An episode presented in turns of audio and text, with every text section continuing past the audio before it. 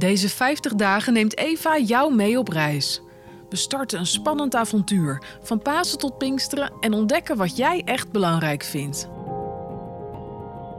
Op zondag vertel ik, Marleen Stelling, een eeuwenoud verhaal over mensen zoals jij en ik uit de Bijbel.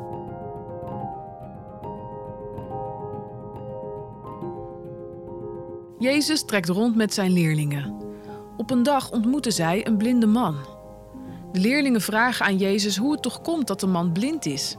Heeft hij er zelf schuld aan? Of hebben zijn ouders soms iets verkeerd gedaan? Volgens Jezus is dat niet zo. Maar hij gelooft wel dat God iets voor de man kan betekenen. Jezus spuugt op de grond. Van zijn speeksel en de droge aarde maakt hij modder. Dan strijkt hij over de ogen van de blinde man. Hij krijgt de opdracht om naar een badhuis te gaan en zich te wassen. De man volgt de opdracht van Jezus op en wonderlijk genoeg gebeurt het. Hij kan weer zien. Dit verhaal is een inspiratiebron geweest voor de beroemde gospel Amazing Grace.